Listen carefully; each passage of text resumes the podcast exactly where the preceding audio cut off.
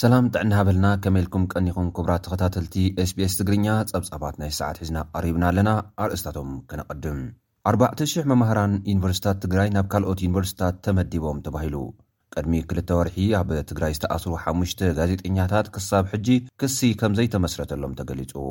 ህወሓት ምስ ሰልፍታት ንሕንሕ ፖለቲካ ትግራይ ብሕገ መንግስቲ ኢትዮጵያን መፃኢ ዕፃ ትግራይን ይካሰስ ከምዘሎ ተገሊፁ።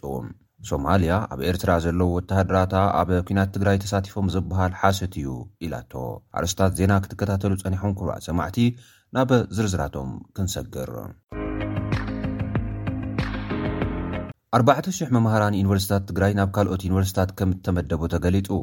መንግስቲ ኢትዮጵያ ንኣርባዕተ ሽሕ መማህራን ዩኒቨርሲተት ትግራይ ናብ ካልኦት ዩኒቨርሲታት ከም ዝመደቦም እዩ ተሓቢሩ ዘሎ። መምህራን ዩኒቨርሲታት መቐለ፣ ራያ፣ ዓዲግራትን ኣክሱምን ኣብ ካሊእ ከባብታት ኢትዮጵያ ክምደቡ ከምዝተገብረ ካብ ሚኒስትሪ ትምህርቲ እታ ሃገር ዝተረኽበ ሓበሬታ ኣረጋጊፁ ኣሎ።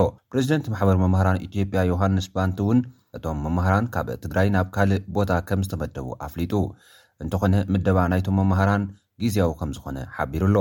ዩኒቨርሲታት ትግራይ ብሰንኪ እቲ ኲናት ክዓንዋ እንከለዋ ገለ መምሃራን ከም ዝተቐትሉ ገለ ከም ዝተኣስሩ ዝግለጽ ኮይኑ፣ ካብኣቶም ገዲፎምወን ዝወጹ መምሃራን'ውን እቶም ኣርባዕተ ሽሕ ከም ብሓዱሽ ናብ ካልኦት ከባብታት ዝርከባ ዩኒቨርሲታት ኢትዮጵያ ከም ዝተመደቡ እዩ ዝግለጽ ዘሎ። መንግስቲ ኢትዮጵያ ሰለስተ ነጥቢ ኣርባዕተ ቢልዮን ብር ንኣርባዕተ ዩኒቨርሲታት ትግራይ ከም ዝሰለዐ ምሕባሩ ዝሓለፈ እዋን ከም ዘብጸብና ዝዝከር ኮይኑ፣ እዚ በጀት ኣብ ዓመተ ክልተ ሽሕን ዓሰርተ ሓሙሽተን ኣብተን ዩኒቨርሲቲታት ንዝህሉ ትምህርቲ መሳለጥያ እዩ ተባሂሉ ነይሩ። እቲ በጀት ካብቲ ፌደራላዊ መንግስቲ ኢትዮጵያ ንትግራይ ሰሊዐዮ ዝበሎ ዓሰርተ ክልተ ቢልዮን ብር ወፃእ ከምዝኾነ'ውን እዩ ክግለፅ ፀኒሑ። ሚኒስትሪ ትምህርቲ ኢትዮጵያ መጠን ምቕባል ተምሃሮ ናይተን ኣብ ትግራይ ዝርከባ ዩኒቨርሲቲ ክውስኽ ከምዝደሊ'ውን ገሊፁ እዩ። እንተኾነ እዚ ክኸውን እንተኾይኑ ምስ መንግስቲ ትግራይ ዝህሉ ኩነታት ከም ዝውስን እዩ ዝግለጽ ዘሎ። ቅድሚ ክልተ ኣዋርሕ ኣብ ትግራይ ዝተኣስሩ ሓሙሽተ ጋዜጠኛታት ክሲ ከም ዘይተመስረተሎም ተሓቢሩ። ዓለም ለኻዊ ትካል ተሓላቒ መሰል ጋዜጠኛታት ሲፒጄይ እቶም ዝተኣስሩ ጋዜጠኛታት ብህፁፅ ክፍትሑ ድማ ፀዊዑ ኣሎ። ጋዜጠኛታት ቴሌቪዥን ትግራይ ዝኾኑ ምስግና ስዩም፣ ተሾመ ጦማለው፣ ሓበን ሓለፎም፣ ዳዊት መኮንንን ሃይለሚካኤል ገሰሰን ብጸጥታ ናይቲ ክልል ቅድሚ ሓምሳ መዓልታት ኣብ ትሕቲ ቀይዲ ከም ዝኣተው ምጽብጻብና ይዝከር። ጠንቂ መእሰሪኦም ምስ ጸላኢ ተሓባቢሮም ዝብል ከም ዝኾነ ዓቃቢ ሕጊ ይከስስ። ስድራቤቶምን ጠበቓታቶምን ግን እቲ ዝተዋህበ ምኽንያት ምስቲ ክውንነት ዘይኸይድን ሽፋን ምዃኑን እዮም ዝምጉቱ። ኣስዒቦም ድማ እቲ ተኣሲሮምሉ ዘለዉ ቦታ ንጥዕና ዝጎድእ ከም ዝኾነን ሞያ ጋዜጠኝነት ንምጉዳእ ዝተወስደ ስጉምቲ እዩ ኢሎም ክቃወሙ ጸኒሖም እዮም። እቶም ጋዜጠኛታት ንኣስታት ክልተ ወርሒ ብዘይ ክሲ ተኣሲሮም ከም ዘለዉ ዝሓበረ ሬድዮ ጀርመን ዶቸ በሌ፣ ጠበቓታቶም ብዘይ ክሲ ምእሳር መስርሕ ሕጊ ምጥሓስ ምዃኑ ከም ዝገለጹ እውን ጸብጺቡ ኣሎ። እቶም ጠበቓታት ወሲኾም ከም ዝሕብርዎ፣ መእሰሪኦም ሞያዊ ስርሖም እምበር ካልእ ገበን ከም ዘይኰነ ብምግላጽ፣ ካብ ዝእሰሩ ካብ ሸሞንተ ክሳብ ዓሰርተ ሰለስተ ግዜ ናብ ቤት ፍርዲ ተመላሊሶም ክሲ ምምስራት ኰነ ፍታሕ ምርካብ ከም ዘይተኻእለ ገሊጾም ኣለዉ። ዓቃቢ ሕጊ ከተማ መቐለ ኣቐዲሙ ኣብ ዝሃቦ ሓበሬታ፣ መእሰሪ ምኽንያት እቶም ጋዜጠኛታት፣ ሞያ ጋዜጠኝነት ዘይኮነስ ምስሩዕ ገበን ሕጊ ዝተሓሓዝ እዩ ብምባል ጉዳዮም ይፃረ ከምዘሎ እዩ ሓቢሩ ነይሩ።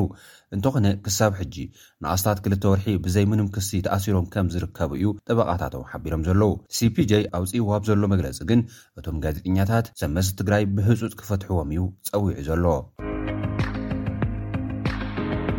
ህወሓት ምስ ሰልፍታት ፖለቲካ ትግራይ ብሕገ መንግስቲ ኢትዮጵያን መፃኢ ዕፃ ትግራይን ይካሰስ ኣሎ።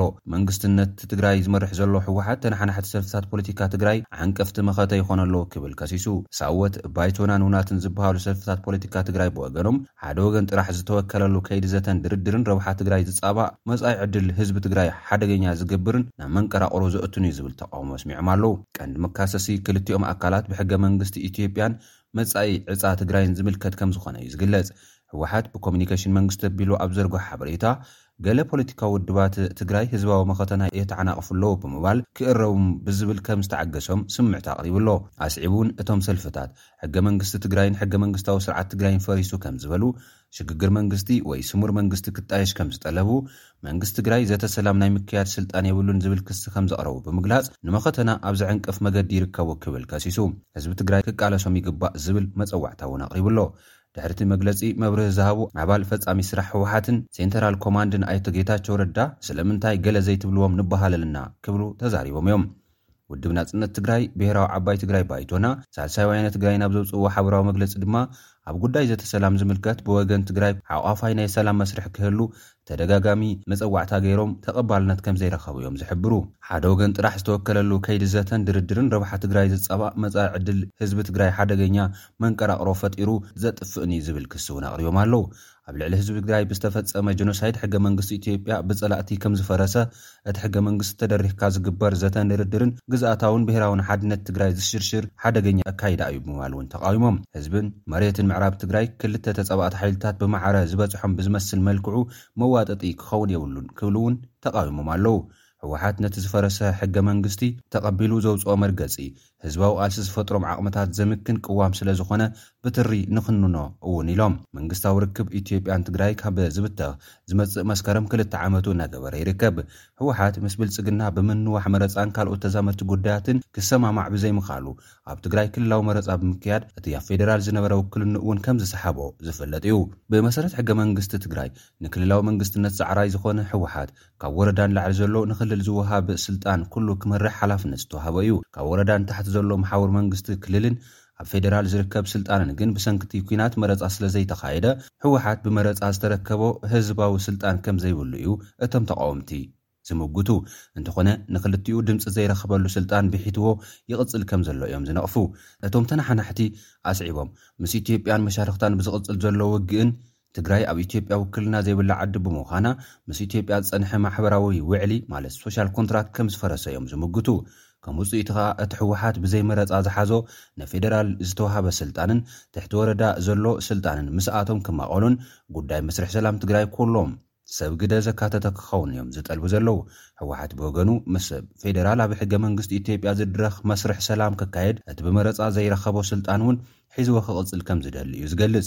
ነቶም ብመረፃ ዘይተረከቦም ስልጣናት ኣብ እዋን ኲናት ኮይንካ ስልጣን ምምቓል ኣፀጋሚ ከምዝኾነ ብምሕባር ከዓ ንሱ ዘተሓባብሮ ኣብ ትግራይ ንኹሎም ዘሳተፈ ዘተን መፃኢ ዕድል ትግራይ ዝውሰነሉ መድረኽ እንክህሉ ክመርሕ ከም ዝሰርሕ እዩ ዝገልፅ ዘሎ።